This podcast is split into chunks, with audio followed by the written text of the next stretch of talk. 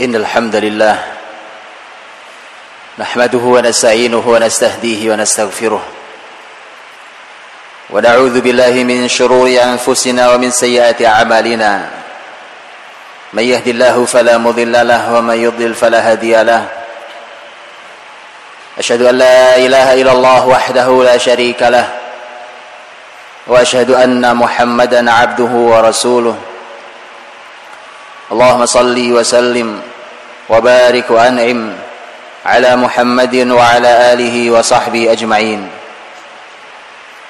يا أيها الذين آمنوا اتقوا الله حق تقاته ولا تموتن إلا وأنتم مسلمون. يا أيها الناس اتقوا ربكم الذي خلقكم من نفس واحدة. وخلق منها زوجها وبث منهما رجالا كثيرا ونساء. واتقوا الله الذي تساءلون به والأرحام. إن الله كان عليكم رقيبا. أما بعد مؤمنين jamaah Jumat hafizakumullah yang dirahmati Allah Subhanahu wa taala. Hari yang dimuliakan Allah Subhanahu wa taala dalam satu pekan. Yang paling mulia yang paling utama seperti sabda Nabi sallallahu alaihi wasallam inna min afdhali ayyamikum yaumal jumuah. Sesungguhnya hari yang paling utama yang kalian miliki adalah hari Jumat ini. Semoga kita termasuk hamba Allah Subhanahu wa taala yang bersyukur pada Allah dengan cara menyerahkan nikmat yang telah diberikan Allah untuk kita beribadah pada Allah Subhanahu wa taala membuktikan bahwa kita adalah hambanya. Salam dan salam semoga teratur pada Nabi Allah Muhammad sallallahu alaihi wasallam. Manusia paling soleh di muka bumi pemimpin seluruh manusia bahkan pemimpin para nabi dan rasul imamul anbiya wal mursalin. Yang seluruh ajarannya adalah merupakan kemakmuran bumi yang seluruh petunjuknya adalah berdasarkan wahyu. Dan karenanya Islam inilah yang dibawa Nabi SAW yang memperbaiki bumi ini setelah rusaknya. Yang memakmurkan bumi ini setelah kehancurannya. Yang mengembalikan manusia dalam kemuliaannya sebagaimana manusia memang telah dimuliakan Allah. Walaqad karramna bani Adam dan sungguh telah kami muliakan anak cucu Adam ini. Hadirin dirahmati Allah Subhanahu wa taala 11 abad yang lalu saat Islam mencapai puncak kebesarannya di Eropa. Saat itu Islam di negeri Andalus memiliki pemimpin alim mujahid adil memimpin dalam waktu yang sangat panjang yang kalau hari ini ada kepemimpinan sepanjang itu biasanya sudah menjadi diktator. Tapi tidak dengan pemimpin yang satu ini. Bahkan di meja tugasnya ada catatan pribadinya. Tercatat dalam sejarah. Dia menyampaikan bahwa tidak ada sepanjang dia memimpin 50 tahun lamanya itu 50 tahun lamanya tidak ada hari-hari yang nyaman buat dia kecuali hanya 12 hari. Disampaikan 12 hari itu 50 tahun tidak ada kenyamanannya. Karena dia pemimpin bertanggung jawab di hadapan Allah Subhanahu wa taala. Satu hari memimpin sekian banyak umat yang menjadi tanggung jawab dia. Bukan hanya manusia semua. Pepohonan bumi ini semuanya binatang ternak seluruhannya. Menjadi tanggung jawab di hadapan Allah. Bagaimana 50 tahun memimpin tanggung jawab di hadapan Allah pemimpin yang membawa Andalus kepada puncak kemakmurannya puncak keadilannya puncak ilmu dan kesejahteraannya. Seluruh Eropa belajar ke Andalus saat itu dengan ibu kota Cordoba. Tentunya dia mengangkat pemimpin di bawahnya yang juga luar biasa. Dia memuliakan seorang pemimpin agama ahli ilmu yang ikhlas yang tidak takut kepada pemimpin siapa pun bahkan khalifahnya sekalipun kecuali hanya pada Allah Subhanahu wa taala. Hakim tertinggi di negeri itu yaitu Qadhi Mundir bin Sa'id Al-Baluti rahimallahu taala. Saat itu terjadi kekeringan sangat panjang. Panjang sekali. Kurang lebih seperti hari ini kita mengalami kekeringan. Hujan yang tak kunjung datang, bumi yang mulai retak, petani yang tidak bisa menanam karena hujan belum hadir. Saat itu Andalus juga mengalami hal yang serupa. Maka kemudian karena sang khalifah adalah alim, orang yang berilmu, orang yang saleh, mujahid. Maka dia memerintahkan pada seluruh rakyatnya untuk keluar melaksanakan salat istisqa. Salat minta hujan yang di Cordoba akan langsung dipimpin oleh orang alim di zaman itu, Qadi Mundir bin Said Al-Baluti rahimallahu taala. Hari yang telah ditentukan masyarakat sudah berkumpul di lapangan. Semua hadir berkumpul masyarakat dan kita tahu dalam salat istisqa saat orang hadir ke lapangan untuk salat istisqa harus hadir dengan kekhusyuan. Merasa betapa dia hamba yang paling banyak dosanya. Karena tidak akan mungkin turun hujan kalau yang hadir adalah hamba-hamba yang angkuh. Tidak pernah merasa bersalah dengan dosanya Karenanya masyarakat sudah sangat siap untuk melaksanakan salat istisqa. Bahkan sang khatib dan imam Qadi Mundir bin Said Al-Baluti juga telah siap untuk memimpin. Tetapi belum kunjung dimulai. Karena sang khalifah belum hadir. Khalifah Abdurrahman An-Nasir rahimahullah taala. Khalifah Adil itu belum hadir. Karena sudah menunggu maka Qadi Mundir sang imam memerintahkan seseorang untuk menyampaikan kepada khalifah bahwa beliau dan masyarakat sudah siap untuk sholat istisqa. Orang itu pergi, tidak lama kemudian kembali dan menyampaikan kepada Qadi Mundir, Aku melihat khalifah sedang dalam keadaan sujud yang sangat lama belum pernah aku melihat khalifah berdoa pada Allah sekhusyuk hari itu. Sekhusyuk yang aku lihat baru saja ini. Belum pernah aku melihat khalifah dalam keadaan paling khusyuk melebihi hari yang aku lihat hari ini. Qadi Mundir bin Said Al-Baluti sang imam besar sang qadi berkata dia berkata pada seorang stafnya ambilkan payung ambilkan payung. Wallahi demi Allah akan hujan. Wallahi hujan akan turun. Subhanallah. Kering sudah sedemikian panjangnya tak ada setetes air pun turun dari langit. Bahkan awan pun bersih di udara sana. Bagaimana orang boleh secerdas Qadi Mundir? Orang boleh sesoleh Qadi Mundir. Tapi urusan hujan bukan urusan orang soleh yang menurunkannya. Allah yang menurunkannya. Tapi bagaimana Qadi Bondir memberikan jaminan, bahkan bersumpah atas nama Allah, demi Allah, hari ini akan turun hujan. Qadi Bondir memberikan ilmu mahal untuk kita semuanya. Mengapa saya beri jaminan dengan izin Allah hari ini hujan? Demi Allah. Qadi Bondir berkata, ini kaidah besar dari seorang alim besar, Qadi Andalus.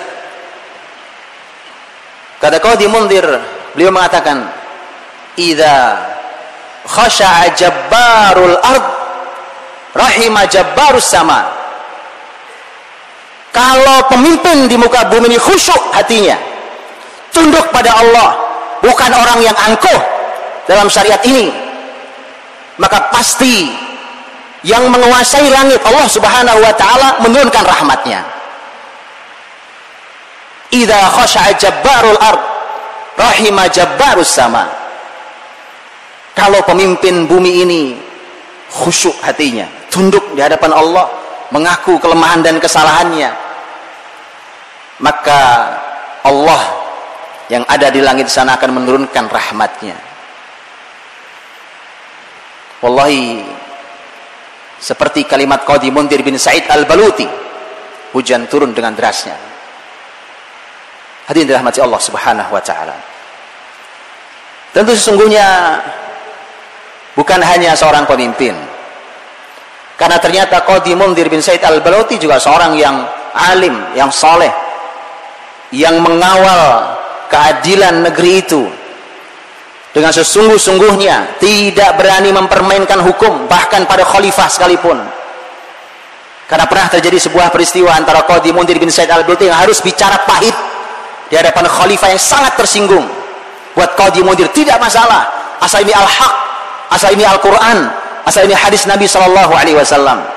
Orang seperti itulah yang dipilih oleh Abdurrahman An-Nasir rahimahullah ta'ala untuk mengawal ilmu masyarakatnya untuk mengawal keadilan di negeri Andalus.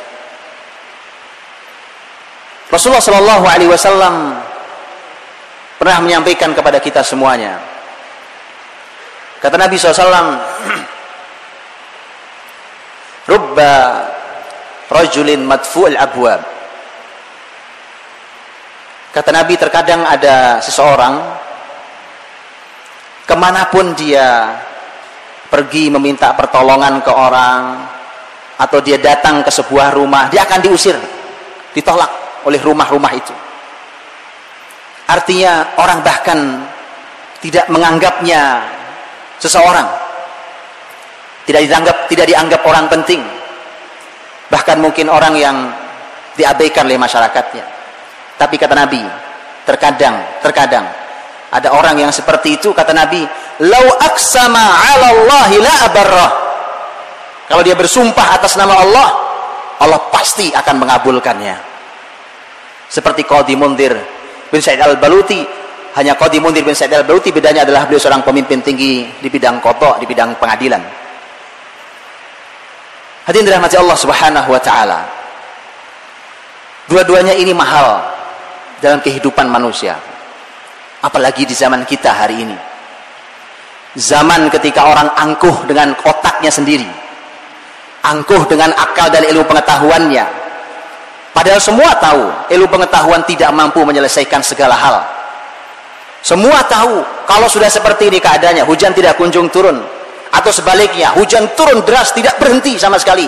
Tak ada ilmu pengetahuan yang memastikan bahwa akan berani menurunkan hujan memastikan bahwa hujan akan turun atau memastikan hujan akan berhenti Tak ada yang berani ilmu pengetahuan yang memastikannya. Bukan hanya itu. Semua ilmu pengetahuan. Tapi kita sudah terlanjur diajari untuk bersandar pada materi dan kekuatan fisik kita. Kita lupa bahwa kita tidak mampu dengan ilmu kita menyelesaikan segala hal dalam kehidupan ini. Bisa kita bayangkan, lihat bagaimana mahalnya teknologi hari ini. Beberapa waktu lalu saya berbincang dengan ketua BI Ketua BI cabang Riau. Dan beliau mengatakan pada saya bahwa anggaran yang mau dipakai saya tidak tahu skopnya apa untuk menebar garam untuk menurunkan hujan ini karena di Riau kita tahu sering kali terjadi asap. Dalam satu hari anggarannya 3 sampai 4 miliar rupiah dan tidak ada jaminan hujan. Dan itu akan dilakukannya beberapa pekan. Lihat pak lihat ini. Terlalu angkuh ilmu pengetahuan hari ini. Alam ini ada yang punya. Semesta ini ada yang menguasai. Ada yang menggenggamnya. Akidah kita tiba-tiba runtuh di hadapan ilmu pengetahuan. Islam tidak anti ilmu pengetahuan. Islam satu-satunya agama yang selalu sesuai sejalan dengan ilmu pengetahuan tapi Islam tidak pernah menuhankan ilmu pengetahuan. Meletakkan wahyu di atas akal manusia di atas penemuan manusia. Ini yang hilang dari kita. Zaman yang seperti ini tentu menjadi sangat mahal keberadaan orang seperti Abdurrahman An-Nasir rahimahullah ta'ala. Pemimpin dengan kekhusyuannya. Mengakui kelemahan dirinya.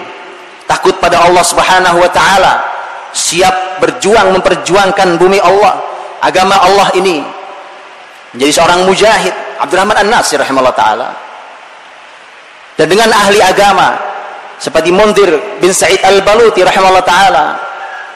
Orang yang tidak pernah takut pada siapa pun untuk menyampaikan al-haq. Bahkan pada pemimpin tertinggi sekalipun dia akan sampaikan. Menegakkan keadilannya, amanahnya, ilmu agamanya dia perjuangkan dengan penuh keikhlasan. Tidak ada kepentingan dalam hatinya untuk urusan dunia, apalagi hanya sebuah posisi. Orang sangat mahal. Ini adalah merupakan dua kebersamaan, dua orang yang bersama yang sangat mahal yang dimiliki oleh Andalus saat itu. Karenanya Andalus mencapai puncak kebesarannya di masa itu. Hadirin dirahmati Allah Subhanahu wa taala. Peristiwa hujan yang turun besar seperti itu. Yang hujan turun karena keberadaan pemimpin yang soleh. Itu hanya merupakan sebuah bukti betapa pentingnya pemimpin soleh dan ahli ilmu yang benar-benar ahli ilmu dan memiliki keikhlasan. Pada puncak keikhlasannya. Bukankah ini semua telah dicontohkan oleh Rasulullah Muhammad sallallahu alaihi wasallam? Sebagai pemimpin para ahli ilmu, pemimpin salihin, orang-orang yang mukmin yang saleh pemimpinnya adalah Rasul Muhammad sallallahu alaihi wasallam. Dalam hadis muttafaq alaih sebagaimana diriwayatkan oleh sahabat mulia Anas bin Malik radhiyallahu anhu. Anas bin Malik menceritakan panjang lebar tentang sebuah peristiwa di hari Jumat seperti ini. Kata Anas ketika Rasul sallallahu alaihi wasallam berdiri di atas mimbar khutbah sedang khutbah Jumat masuklah seseorang dari pintu arah Darul Qadha. Dalam sejarah Madinah dahulu ada sebuah tempat ada yang mengatakan itu bekas rumahnya Abdurrahman bin Auf ada yang mengatakan itu bekas rumahnya Umar namanya Darul Qadha. Orang itu masuk dari pintu Darul Qadha. Ketika Rasul sedang khutbah kemudian orang itu berkata ya Rasulullah ud'u lana halakatil amwal wa anqata'at subul fad'u Allah lana an yughithana. Ya Rasulullah hancur harta-harta kami. Putus jalan-jalan kami. Habis ludes semuanya.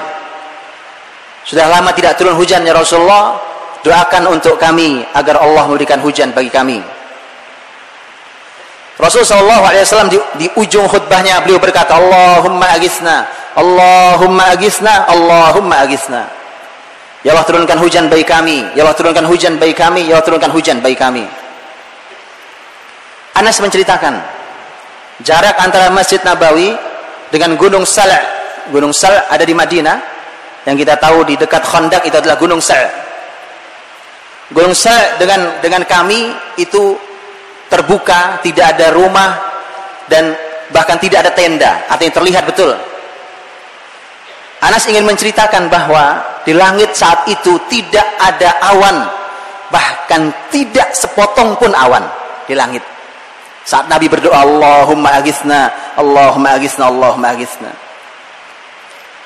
Maka kemudian hadirlah, hadirlah kemudian sepotong awan tergiring di tengah, di tengah langit, hanya seperti bulat sebesar Anas menyebutnya sebagai sebesar tus, misla turs, sebesar tameng, tameng orang yang berperang.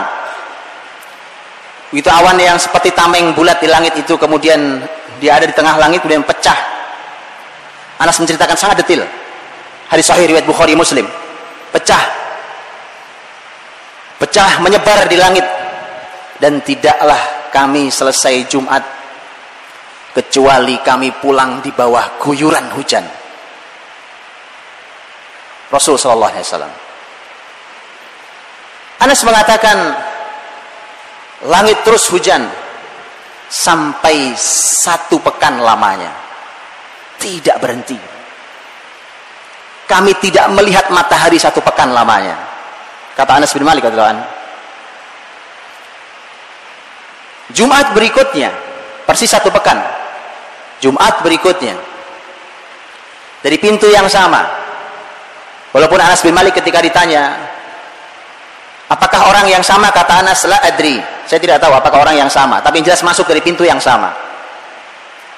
Orang itu berkata dengan kalimat yang semisal tapi masalah yang berbeda. Ya Rasulullah, halakatil amwal wan qata'at subul. Ya Rasulullah, jalan-jalan kami ter, uh, hancur harta-harta kami, jalan-jalan kami terputus. Ya Rasulullah, hujan tidak kunjung reda. Hancur pula harta kami. Doakan agar Allah Subhanahu wa taala menghentikan hujan ini. Rasul sallallahu alaihi wasallam kembali berdoa di ujung khutbahnya. Nabi berdoa dalam doa Nabi sallallahu alaihi wasallam, Allahumma hawalaina wala alaina. Allahumma 'alal akam wal ajam wal dhirab wal audiyah wa manabiti syajar. Ya turunkan hujan ini di sekeliling kami, bukan menimpa kami. Nabi tidak minta dihentikan hujan, hujan barokah. Quran berfirman, dalam Al-Quran Allah berfirman, "Wa nazzalna minas samaa'i ma'am mubaraka." kami turunkan dari langit air yang diberkahi. Karena Nabi SAW tidak dihentikan hujan. Nabi minta agar hujan ini digeser. Ya Rasulullah, eh, Rasul bersabda, Rasul berdoa, ya Allah, agar kau turunkan hujan di sekeliling kami, bukan menimpa kami. Turunkan hujan ini di gunung-gunung, di bukit-bukit, di tempat yang tinggi, di benteng-benteng, di lembah-lembah, di tempat tumbuhnya pepohonan. Anas bin Malik bercerita, begitu Nabi berdoa, maka langit seperti ditembak oleh sesuatu kemudian awan yang sangat tebal itu tidak terlihat matahari kemudian mulai menipis pecah. Menipis pecah-pecah sampai kemudian menyingkir awan. Dan kami keluar dari sholat Jumat. Kami keluar dari sholat Jumat berjalan di bawah terik matahari. Hadirin dirahmati Allah subhanahu wa ta'ala. Karenanya para ulama baik Imam Bukhari Imam Muslim rahimahullah ketika menyampaikan hadis ini beliau memberikan judul-judul dalam babnya. Inilah doa doa jika hujan turun begitu derasnya.